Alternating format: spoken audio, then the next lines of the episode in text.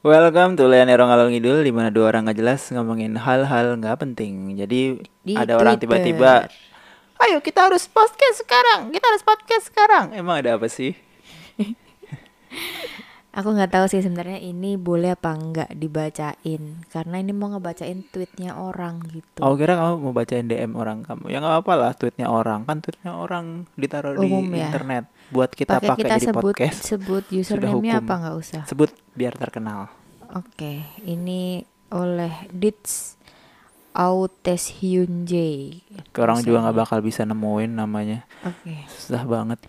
jadi dia nge-tweet. Jadi semua tweetnya ntar aku baca ya. Terus Menurutmu ntar lucu-lucu tweetnya ntar dia? kamu komennya. Oke oke. Hah? Fuck no, no, no, not my wine glass PC. Bitch, get out of my room, get out of my life. Adep mana sih lo boleh bongkar-bongkar barang orang, anjing? Aku kalau main ke rumah orang, meskipun itu sepupuku, nggak pernah asal bongkar-bongkar barang, apalagi ngerusakin barang orangnya.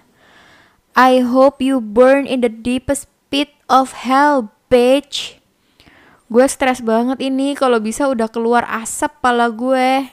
C, udah tua ngapain masih kumpulin Korea alay? But that's my personal thing that you ruin. That's my money you cut into pieces. You come into my room, looking through my things, and decided to ruin it. You mannerless, uneducated piece of shit. Emang emang ngapain sih ceritanya ini? Jadi kejadiannya apa sih? Apa aku harus mesti dengerin dulu nih? Belum jelas sih dia. dengerin dengerin aja terus di situ ada foto gambar kayak ada foto digunting-gunting itu ada beberapa lembar ini tuh aku simpan di dalam binder bindernya aku taruh di rak koleksi bukan yang serampangan aku taruh yang ngerusak juga udah kelas 2 SMP Adek aku nangis-nangis ngadu kalau album NCT dia juga dirusak sama orang ini. I want to hurt her physically. I'm so tempted. Jadi ada ada anak SMP datang ke kamar dia sama kamar adiknya dia ngerusak-rusakin eh, koleksi dia soal K-pop-K-popan gitu. Guys, ada yang punya foto wine glass HJ yang ada harganya nggak? Aku mau minta ganti rugi. Jujur, udah nggak bisa nangis lagi. Siapa yang masukin tubir lagi anjir? Dalam tanda kutip. Itu tanda kutip atau open quote? Close quote? Apa, sih? Apa-apa? Open code-nya apa? Ya kamu yang bodoh beli kertas semahal itu. Hahaha, anak lo yang gila ngerusakin barang mahal gue ya anjing. My mom gets into argument with her dad. Maaf ya mah bikin mamah berantem sama saudara sendiri. Tapi aku nggak mau ngalah kali ini. Jadi, Jadi, ini itu omnya, omnya punya Hmm, anak, anaknya hmm. tuh kan sepupunya kan main ke dia gitu. terus kenapa sih kayak terus gitu anaknya kelakuannya? ngerusak eh, barangnya si Mm-mm. dia terus malah omnya nyalain dia kayak Victim blaming. Kenapa beli kertas mahal-mahal kan kayak iya, gitu kan? Kok aneh banget sih? ya Allah berantemnya pakai kanton gue nggak paham mamanya sama omnya Orang Hongkong berarti. hmm, mungkin nggak tahu kita lihat hari ini beneran diganti nggak PC gue PC itu apa sih singkatannya? Personal collection. photocard Oh. jadi gedenya tuh kayak se-KTP gitu foto-foto member-member Iya iya iya, yang yang limited limited itu ya. Iya. Ngerusak PC gue ternyata buat konten TikTok. Konten TikTok. Terus ada konten TikToknya. Aku nggak tahu ya orang-orang TikTok tuh apa kontennya harus kayak gini semua. Tapi apa iya pakai barang orang? Barang gue pula. Emang bocah nggak harusnya main TikTok sih anjing sakit jiwa. Tren apa sih di TikTok sampai ngerusakin PC? Sinting apa? Makan tuh konten TikTok bapak lo bayar 5 juta. Uh, diganti ternyata PC-nya. Anjir. senilai 5 juta rupiah dan emang bener sih emang harga PC-PC gitu kan emang jutaan kan ya Mm. yang limited Itu kayak limited apa gitu. eh, ini K-pop Pokemon itu. Iya itu ya kayak baseball card, card. itu. heeh. udah di rumah om gue guess will find out beneran diganti apa ngomong doang terus omnya ngomong Ya udah, jadiin pembelajaran aja buat kamu juga. Nggak perlu beli barang-barang nggak penting semahal itu. Anjing, jadiin pembelajaran biar lo jadi orang tua yang bisa didik anak lo. Tuh, pembelajaran tai kucing. Terus nggak diganti berarti ini? Diganti kayaknya. Terus omnya bilang, jangan sampai gara-gara Korea-Koreaan itu hubungan keluarga rusak. Ya, ya anaknya yang ngerusak hubungan keluarga gimana sih? No bitch, our family relation ruined because your daughter don't know personal boundaries and ruin something that I treasure so much. Mannerless, uneducated globs of family. Mama gue mengut di mana sih adik kayak gini cuma bisa nyusahin doang. Dia kesel banget kayak sama omnya ya. Tapi emang bener sih gimana ya? Apa nggak mau nggak mau ngaku salah iya dan sama merasa sekali. kayak gitu? Anyway, kedudukan PCJJ melet lebih penting bagi gue daripada eksistensi lo dan anak lo di hidup gue. Gimana ya? Nggak bakal bisa temenan lagi lah kayak gitu. Padahal sepupu loh. Tapi masalahnya juga anaknya kayak nggak disalahin sama sekali nggak sih? Tapi kan nggak tahu ini dari sisi dia kan. Iya sih. Mm-mm. Udah diganti meskipun dengan seribu pembelaan buat anaknya. Ya udahlah mau gimana lagi. Tetap bagi dia yang salah itu PC-PC mahal kok udah nggak bisa diubah lagi. Terus ada yang nanya, sepupu kakak minta maaf nggak? Terus gimana wujudnya? Rasanya nggak puas kalau dia nggak nangis-nangis. Dijawab, dia nggak ada minta maaf. Kata papahnya dia takut ketemu aku karena kemarin aku seret keluar kamarku. Dia emang terlalu baik ya mau bukain pintu buat adik sepupunya. Udah, udah selesai. Terus kenapa kalau pengen bahas sampai pengen bahas banget ini? Menurutku ini kan simply apa anak anak nggak jelas yang bikin irritating aja kayak gitu kan. Dan anak-anak kayak gitu jumlahnya banyak banget anak SMP yang ngeselin kayak gitu. Aku mau bahas karena aku kayak kebayang nggak sih muka omnya gitu ketika lihat ada guntingan kertas gitu kan. Terus dia harus ganti 5 juta. Kayak omku aja yang anaknya ngerusakin laptop adekku harga 15 juta tuh Nggak ganti ya. nggak mau ganti karena ngerasa kayak ah emang anak kecil bisanya disalah-salahin doang paling itu yang ngerusakin juga bukan anakku kayak gitu loh Mm-mm. padahal mama udah bilang kan itu anaknya dia yang ngerusak karena anaknya kan masuk ke rumah Mm-mm. ya kayak ada gitu loh di luaran sana orang tua yang mau ganti kertas kayak gitu seharga 5 juta. Dan ada juga di luaran sana orang yang jelas-jelas kelihatan ini barang laptop gitu kan 15 juta gitu mati total gara-gara kemasukan air yang ditumpahin sama sepupuku itu nggak mau ganti gitu loh. Kayak timpang banget dan aku jadi penasaran kayak apa sih yang menyebabkan apa bedanya kayak gitu? Ya, Ya. aku ngerti omku tuh nggak punya uang mungkin ya segitu kan. Cuma kayak seandainya itu 150 ribu atau satu juta setengah tetap bakal dia biarkan enggak juga kan. Kayak sepeser pun tuh nggak akan mau ganti gitu loh. Karena emang bener kayak nggak ada ngerasa salah sama sekali kayak gitu Ber- berat sih emang kalau orang-orang nggak ngerasa salah gitu. Emang ada di sekitar kita banyak banget orang-orang yang nggak pernah ngerasa salah dalam hidupnya sama sekali kayak gitu kan. Dan orang-orang itu ya juga salah satunya sekarang mungkin kamu lihat di luaran sana ya orang-orang yang suka nyalain keadaan kan. Ya wajar lah dia kayak gini jelas-jelas ya gara-gara dia orangnya kayak gini. Coba gue kayak gitu ya gue kayak dia juga kayak gitu-gitu. Ya menurutku itu same mentality sih. kayak ada juga kan salah satu saudaranya mama yang dia itu selingkuh kan. Mm. selingkuh sama perempuan yang jauh lebih muda. Terus em, perempuannya itu hamil minta dinikahin gitu. Mm-mm. terus bahkan seorang mamaku pun yang usianya tuh udah bisa dibilang tua kan. Kayak udah dewasa banget lah lebih dewasa dari kita ya pastinya Mm-mm. kan. Udah umur 40 something 40 akhir. 4 ya segituan lah pokoknya itu dia malah bilangnya itu emang perempuan nggak bener. Itu emang perempuannya suka goda laki-laki. Itu emang simpanan pejabat. Itu emang ini ini, kayak gitu loh. Mm-mm.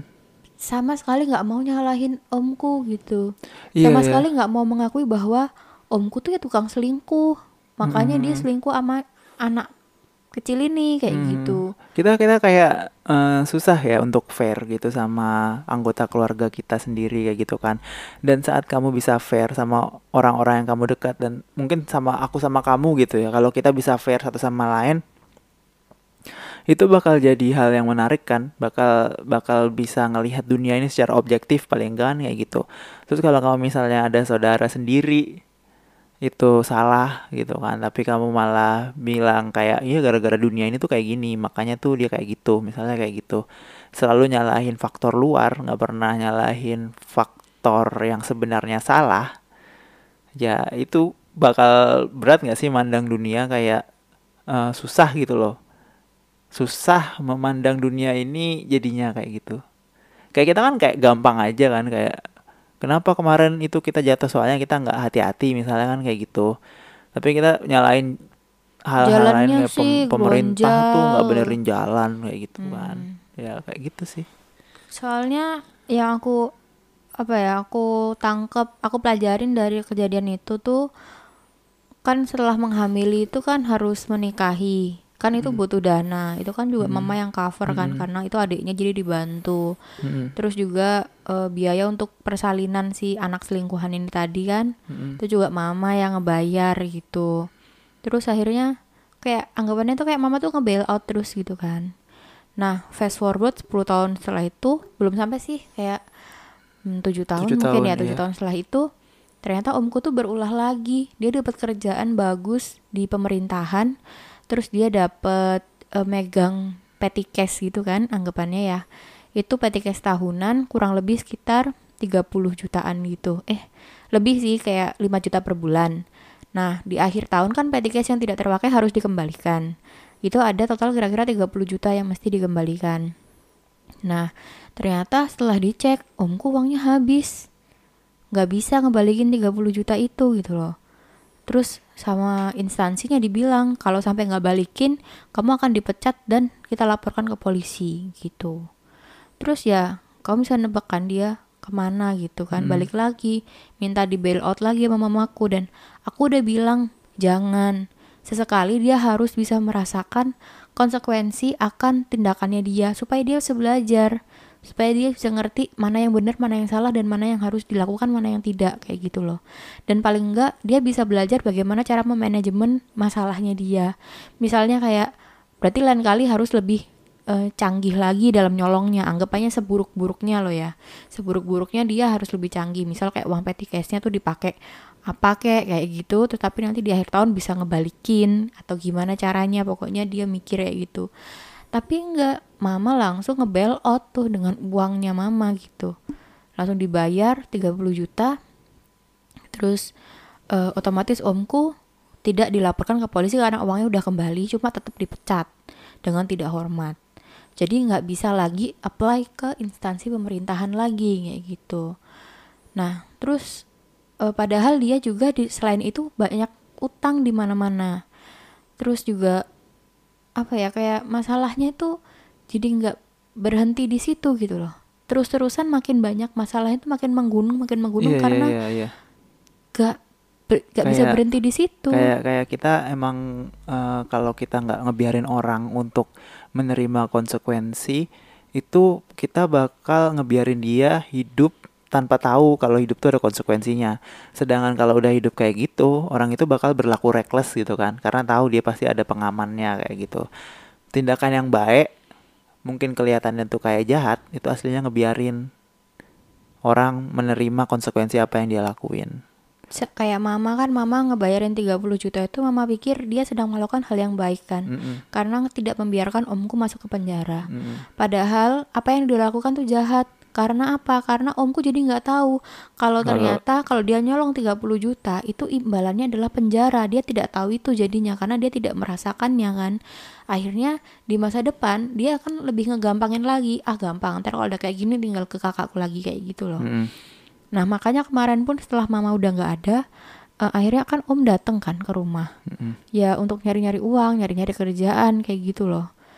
Ya kayak kasihan aja gitu ngelihatnya. Aku tuh ngerasa kayak kamu udah di bail out mama berkali-kali, terakhir malah ngeluarin puluhan juta.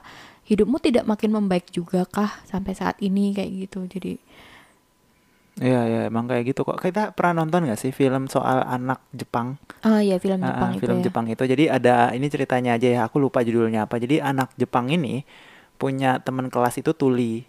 Nah, teman kelasnya tuli ini dia bully.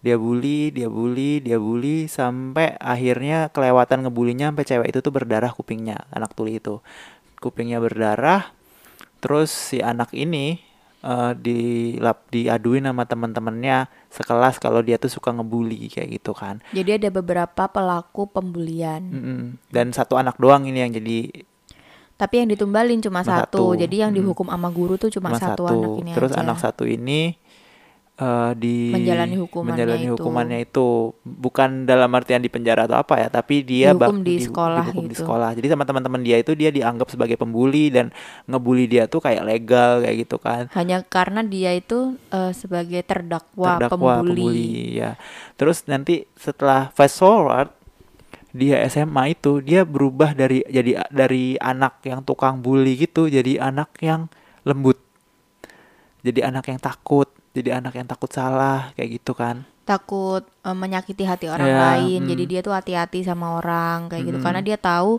ternyata dibully tuh nggak enak karena dia Iya. pernah eh, gara-gara kemarin dia dihukum sama guru, akhirnya orang-orang tuh kayak ih dia ini pembuli ya, iya da- dasar pembuli. Akhirnya semua anak tuh ngebully, Ngebully dia, dia. dan dia ngerasain oh dibully tuh kayak gini rasanya. Ternyata nggak enak ya ngebul dibully itu. Akhirnya dia nggak mau ngebully lagi dan dia tuh jadi orang karakter yang jauh lebih lembut dari sebelumnya dan lebih manusiawi gitu sih. dan sedangkan itu kan yang ngebully itu kan banyak ya Sebenarnya banyak. Hmm, yang satu yang nggak nggak kena hukuman ini terus tumbuh dewasa gitu jadi Terus orang akhirnya yang mereka ketemu, Heeh, eh, mereka kan udah terpisah nih eh, SMP-nya. iya Terus ketika SMA suatu hari itu mereka ketemu si yang ngebully, yang dihukum itu tadi, terus yang ngebully yang tidak dihukum Hmm. itu ketemu cewek cowok.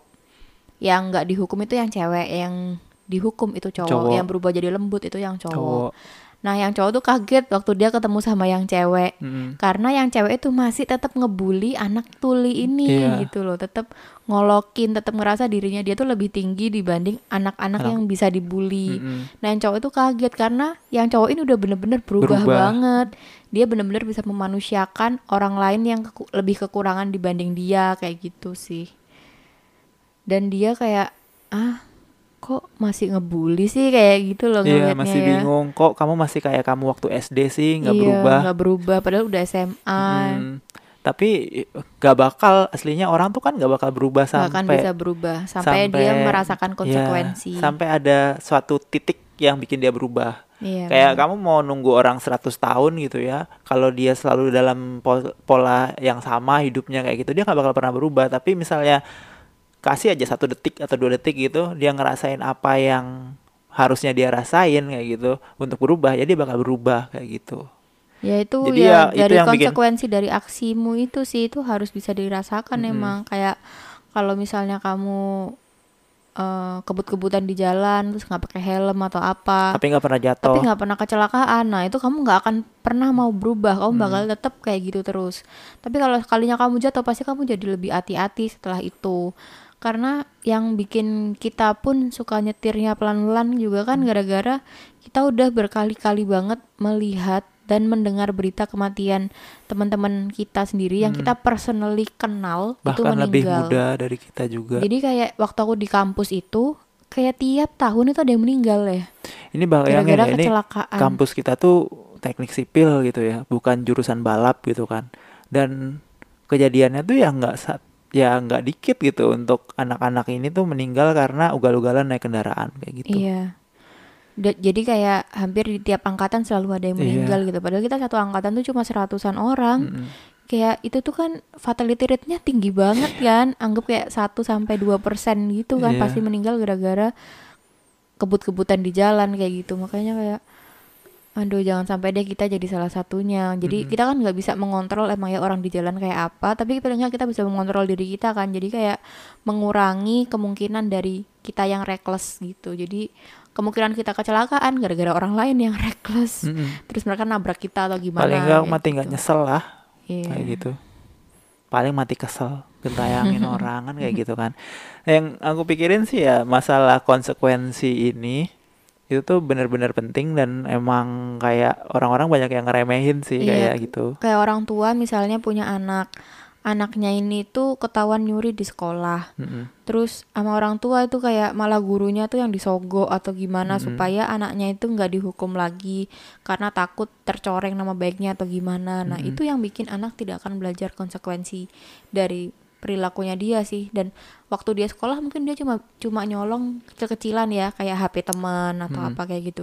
Tapi di masa depan itu bakal kalau kalau bisa menjadi sebuah sikapnya dia itu dia bisa nyolong yang jauh lebih gede lagi nanti jadi koruptor atau malah ya kayak embezzlement kayak Hmm. gitu loh dan itu makin parah sih Ada sih karakter yang aku suka di YouTube itu, PewDiePie.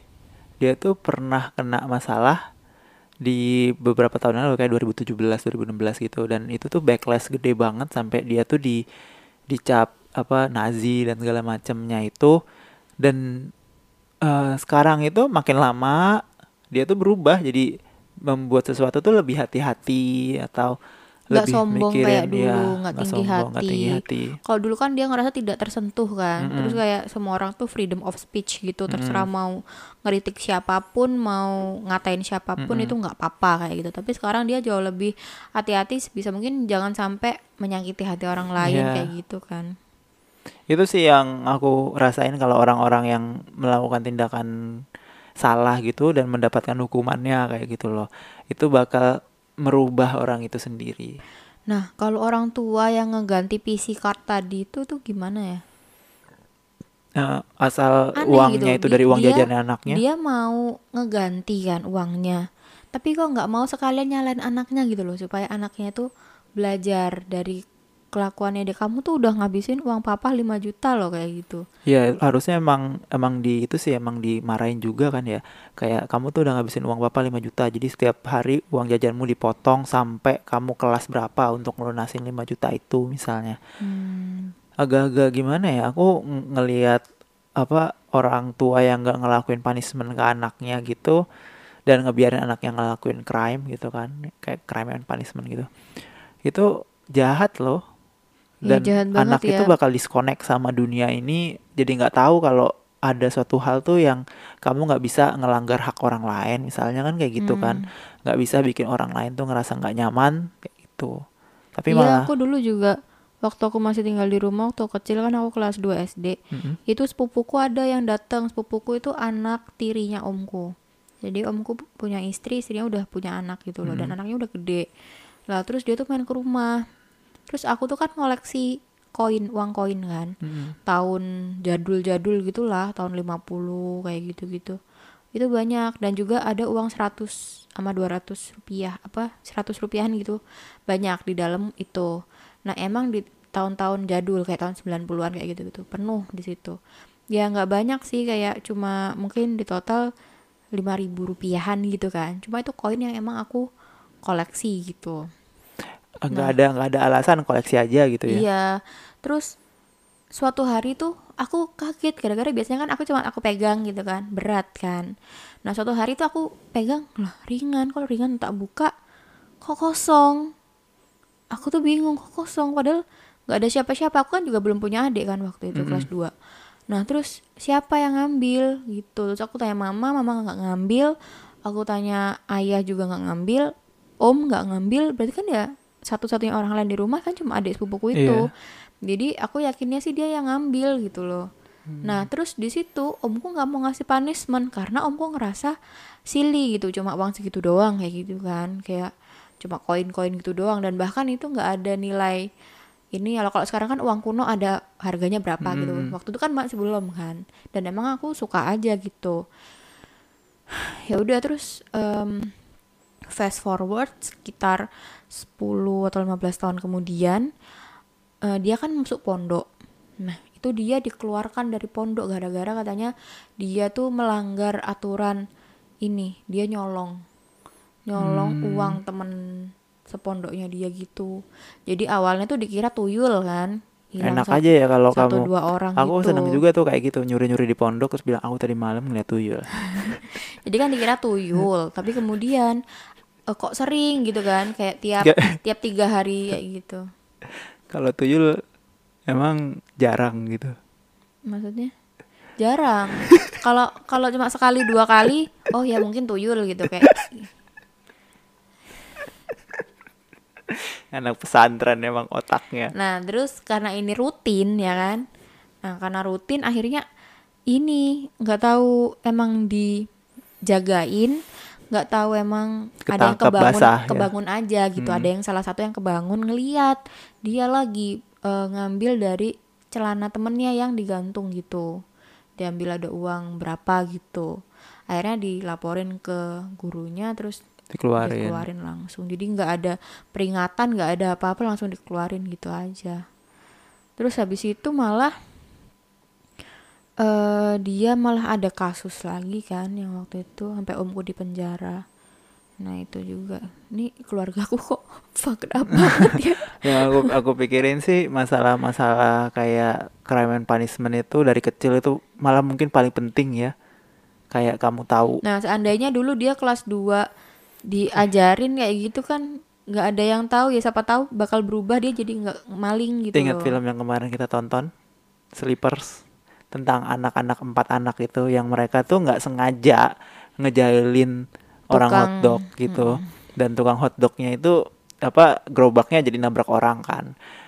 Dia baru bisa ngelihat kalau orang hotdog ini ternyata itu dia itu punya keluarga yang masih tinggal di Greece. Dan dia lagi ngebiayain gimana Ya caranya intinya sih tukang hotdog itu juga manusia, Manusia, sama seperti seperti kita, kita semua, semua. punya keluarga yang harus dinafkahi. Mm-mm. Dan kayak apa yang dia lihat sebelumnya, sebelum dari dia menghadapi hukuman, yang dia lihat dari hotdog itu ya cuman makanan doang yang bisa kamu ambil dengan gratis Ya kayak gitu. karena di ceritanya itu dia ngelihat tukang hotdog itu dia ngelihat oh bisa dicuri nih hotdognya kayak gitu doang dia mikirnya dia nggak mikirin bahwa si tukang hotdognya ini tuh juga punya keluarga jadi kalau dicuri ya tukang hotdognya ini jadi nggak bisa eh, ngasih uang ke keluarganya Iya. gitu. Dan itu sih Dan apa setelah mereka kena punishment gara-gara mereka nyolong rombongnya itu kan, terus rombongnya itu jatuh ngenain orang, orangnya sampai koma. Mereka akhirnya harus dipenjara sampai satu setengah tahun dan di situ mereka belajar eh, apa ya kena banyak hukuman lah intinya di penjara itu sangat-sangat tidak manusiawi gitu. Pas keluar mereka benar-benar berubah sih.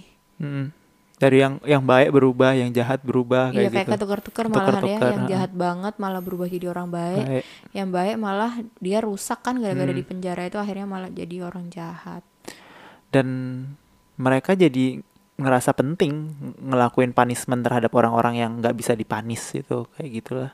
Intinya sih ya kalau kamu ngebiarin dari kecil orang konsekuensi dan punishment itu sangat mempengaruhi pembentukan karakter kita ke depannya tuh kayak gimana kayak kita yang sebelumnya tuh ngerasa kayak misalnya kamu punya punya adik nih dia tuh bandel banget. Tapi orang tuamu tuh kayak ngebiarin gitu. Itu bakal sampai gede gitu ya. Bandel. Bakal sampai gede nggak bertanggung jawab kayak gitu. Iya banyak banget sih yang ceritanya kayak gitu. Soalnya apa aku dulu aja adekku tuh udah ngilangin handphone berapa kali gitu kan. Tapi kayak dia santai gitu. Oh hilang. Oh hilang. Oh hilang kayak gitu doang terus kayak nggak ada rasa bersalah gitu loh. Mm. yang ditampilkan sih aku nggak tahu dalam hatinya gimana ya.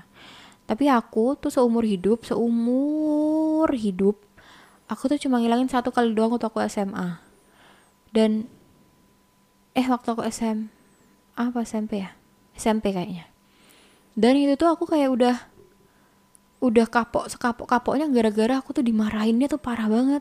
Sampai ayahku tuh ngomong gini kamu tuh tinggal di, Surba- di Surabaya kok bodoh gitu. Bisa kecurian tuh bodoh. Bagi dia tuh kayak gitu. Eh, padahal kan aku naik angkot tuh naik angkot kan ngobrol sama temenku. Lah waktu aku lagi ngobrol sama temenku ternyata ada orang yang muntah-muntah atau gimana gitu loh. Kan dulu lagi banyak kan yang kayak gitu. Trik-trik kayak gitu. Trik-trik gitu muntah-muntah terus ke arahku sama temenku kita bener-bener nggak ada kepikiran apa-apa nggak tahu ada apa kayak gitu tahu-tahu pas aku turun angkot aku baru sadar loh kok handphoneku nggak ada di kantong gitu dan angkotnya udah jalan. Terus aku pulang nangis aku merasa bersalah banget kan. Mau handphoneku hilang kok gitu. Terus mama diem waktu itu terus ayah yang marah. Tinggal di Surabaya kok bodoh gitu kayak kayak apa ya kayak kita tuh keluarga preman atau apa yang harus serba tough terus nggak mungkin bisa kehilangan gitu. Padahal setelah itu ayah ngilangin berapa handphone. Masa aku harus ngomong ke ayah ayah tinggal di Surabaya kok bodoh masa aku harus kayak gitu ya? Kan dia nggak tega juga ya dia udah tua gitu. Ya itu sih aku jadi gara-gara adekku tuh nggak pernah dimarahin ketika dia hilang handphonenya ya udah kayak terus-terusan gitu dia ngilangin. Sampai kemudian dia bisa beli handphone pakai uangnya sendiri sih. Setelah itu dia udah nggak pernah sama sekali ngilangin handphone. Nah kalau aku tuh benar-benar literally cuma sekali itu doang gitu loh. Tapi itu kayak traumanya tuh parah sih sampai sekarang sih. Kayak masalah-masalah selain itu deh anggap kayak yang misalnya kamu punya punya anak nih ya. Dia tuh suka ngelakuin tindakan-tindakan kayak ekstrim gitu. Lompat ke mana jatuh gimana kayak gitu kan. Terus dia tuh selalu kamu tangkap atau apa kamu kan nggak pengen lihat dia sakit kan? Tapi dia jadi nggak hati-hati gara-gara kayak Iya, gitu. karena nggak tahu kalau jatuh tuh sakit Iya. gitu ya. Kayak aku waktu kecil itu suka main ke atap. Suka banget main ke atap. Sampai satu saat aku jatuh ke rumah tetangga kan dari atap itu. Dan pas aku jatuh itu aku jadi nggak pernah lagi ke sana. Nggak pernah kayak nggak kayak nggak perlu lagi orang tua aku bilang Nero jangan naik naik ke atap lagi ya. Waktu dulu orang tua aku ngomong kayak gitu tapi aku what the hell aku naik naik ke atap aja kayak gitu kan Nero jangan naik naik ke atap itu aku nggak dengerin. Tapi pas aku udah jatuh sekali aku atap itu kayak no no no nggak mau lagi naik naik ke sini. Kalau aku naik ke atap tuh aku selalu nempel ke sisi satunya biar aku nggak jatuh ke rumah tetangga kayak gitu kan. Ya menurutku sih eh crime yang aku lakukan adalah melanggar kayak gitu dan konsekuensinya tuh jatuh gitu kan dan sakit gitu kakiku bengkak nggak worth it. Jadi Ya nggak mau lagi. lakuin. kayak kamu misalnya ada anak yang nyuri gitu terus dihukumnya cuma disentil misalnya. Dapat 50.000 ribu tapi worth it. Nyuri lagi aja kayak gitu kan. Makanya kayak eh apa sih hal yang setimpal itu juga penting kayak gitu. Kayak kamu ngebully terus kamu dibully itu benar-benar menurutku Iya, gambaran yang emang. paling bagus banget itu. Setaranya kan kelihatan tapi kalau Hmm. kayak gitu kan. Ya ma- masalahnya kalau photocard digunting itu loh. Gimana setimpalnya ke anak ini kayak gitu. Kayak banyak banget orang-orang yang nggak ngerasa salah kayak cowok-cowok gitu ya. Dia tuh suka godain cewek di jalan kan? Hmm. cewek cewek kayak gitu gitulah. Manggil-manggil uh, Giliran pantatnya dia- gitu. giliran dia sekalinya digodain sama waria gitu Hmm. langsung kayak Ih nggak mau lagi lewat situ. Ah hmm, takut kayak gitu kan. Iya. dan mereka tuh nggak bakal sadar sampai mereka ngerasain, ngerasain kayak gitu. digituin tuh nggak enak gitu. Mm-mm. Mm. Cewek-cewek terus orang cowok-cowok bilang terus harus ngomong apa? Ya diem. Mm. maksud saya sih aku banyak banget ngeliat cewek jalan-jalan di sekitaran gitu ya Ya, nggak itu tiba-tiba refleks ini sih sweet-sweet mengganggu gitu. sih walaupun kata-katanya tuh kata-kata bagus ya gitu tapi eh, kita tuh ngerasanya nggak nyaman gitu loh. Aku dulu tuh sering banget dari SD SMP SMA bayangin kan kecil kan tuh masih an Mm-mm. terus ada bapak-bapak abang-abang kayak gitu duduk pinggir jalan kuli kuli kuli angkut atau apa pun tuh jadi aku habis naik angkot turun buat jalan kaki ke rumah tuh di assalamualaikum. Atau "Eh, sendirian dek. Gitu. Iya, gila kayak nih gitu banget gitu sih, loh. jadi kayak jijik aku tuh merasa badanku tuh kotor banget gitu. Padahal kan aku nggak salah. Mm-mm. tapi nggak tahu kenapa rasanya tuh kayak jijik sama tubuhku sendiri Iya. jadinya. Padahal bajuku tuh normal kan. Ya kayak baju anak-anak kayak gitu loh. Mm-mm.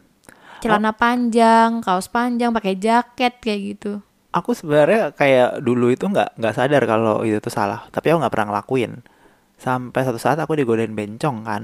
Kayak hmm ganteng banget nih. Ini aku mandiin boleh nih kayak gitu kan. Terus aku kayak what the hell? Aku waktu itu masih SMP gitu kan.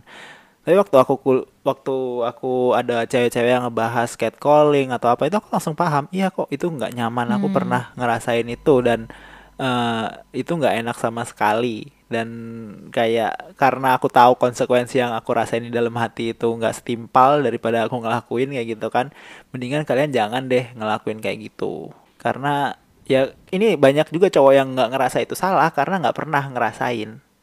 Kayak waktu aku SMA kan aku udah berjilbab terus kuliah juga udah berjilbab. Nah mungkin gara-gara aku berjilbab akhirnya catcallingnya tuh assalamualaikum. Assalamualaikum kayak gitu. Aku tuh bingung. Kita kan wajib kan memba- membalas salam gitu. Tapi kalau dia aku balas salam kan kayak malah kegenitan nanti harusnya dikiranya akunya emang jawab kan. kayak gitu waalaikumsalam ya ahli kubur kayak gitu ya aku kan nggak bisa seberani itu juga. Kayak ya makanya kayak kamu tahu kan perasaan Ah, sebagai si- korban sebagai korban itu kayak kita nggak bisa kayak kalau Kayak- sekarang kita pikirkan ke logika ya. Ya langsung aja aku samperin terus aku tendang aku Iya, iya. tonjok atau aku bakar yang- mukanya tuh bisa mikir aku- kayak aku gitu. Tapi kan rasain. ketika kejadiannya kan nggak bakal bisa kepikiran apa karena badan tuh kayak kaku terus kayak karena mau emang, jalan aja tuh kayak mau nangis gitu loh rasanya. Karena emang powernya dia kan lebih tinggi daripada kita kan yang waktu aku rasain waktu SMP itu aku emang takut banget. Tapi waktu aku kuliah di godain bencong tuh ya aku bisa balas godain. Karena aku ngerasa badanku lebih gede daripada dia dan aku bisa mukul dia kayak gitu kan. Jadinya aku nggak takut gitu. Cuman kayak power yang sekarang sekarang ada itu kalau misalnya kamu powernya di bawah terus yang godain kamu powernya di atas itu kamu bakal ketakutan. Dan bakal rasa itu nggak nyaman kayak gitu. Misalnya kayak kamu cowok kurus kering kecil gitu terus ada cowok-cowok gym keker-keker gitu tiba-tiba bilang tiba-tiba ngedipin mata kamu atau megang pantatmu kayak gitu kan ya kamu bakal bakal takut bakal nggak bisa. Kayak aku waktu itu baru nonton TikTok gitu ada cowok yang cerita kalau dia digodain sama cowok gay eh, anak gym gitu badannya gede gitu terus dia sampai nggak mau ke mall itu selama 2 tahun. Dan menurutku sih apa itu aja cukup untuk jadi contoh ke cowok-cowok jangan sampai kalian itu ngelakuin catcalling kayak gitu loh. Maksudnya ada itu tuh nggak enak rasanya kayak gitu. Tapi menurutku orang-orang kayak gitu tetap butuh sih dapat apa ya tahu gitu ada konsekuensi atas apa yang mereka lakukan kayak gitu loh. Problemnya nggak ada konsekuensinya. Bisa kalau misalnya kita bawa pepper spray misalnya samperin aja terus siapa tadi yang ngomong? Langsung siram gitu pakai pepper spray. Hmm, hmm. lumayan sih. Kayak di Amerika aja eh, young girls itu udah eh, dikenalin sama self defense dan juga dikenalin sama taser sama pepper spray kayak gitu. Iya ya bener. Kayaknya pepper spray itu penting ya. Ada nggak sih di shopee kayak gitu? Kayaknya ada harusnya. Oh ya kita nanti cari taser ya. Ya itu sih apa masalah crime and punishment yang dari awal tadi masalah dari masalah photocard itu yang kita nggak ngerasa si anak itu nggak ngelak nggak kena punishment yang rusak itu yang kena punishment malah bapaknya. Dan bapaknya pun nggak mau nyalain Hmm. anaknya juga malah nyalahin yang beli photocard kenapa beli photocard tuh mahal-mahal? Apa bedanya ya coba itu kan kertas ya. Sama kayak duit itu tiba-tiba datang ngegunting duit itu kan. Sama kayak emas. Emas eh, batangan kayak gitu kan juga Hmm, sama aja tuh hmm. cuma emas gitu iya itu bukan sesuatu yang bisa kau makan Mm-mm. tapi itu ada nilainya nilai Mm. mata uangnya tuh sekian kalau kalau diuangin tuh sekian ya sama aja sama photocard itu kalau diuangin ya sekian gitu intinya tuh ya kita semua berhak untuk beli apa pun yang kita mau beli yang salah ya tetap orang yang Nyuri tidak tahu boundariesnya gitu, itu iya. bahwa semua orang itu eh, punya barang mereka sendiri-sendiri yang kamu tidak berhak untuk ngapa-ngapain barang-barang itu dan crime harus selalu dikenakan punishment ya dan ketika orang tua kalian nggak mau ngepanis kalian justru di situ kalian harus tanya eh, mereka beneran nggak sih pengen kalian itu berkembang atau enggak kayak Mm. gitu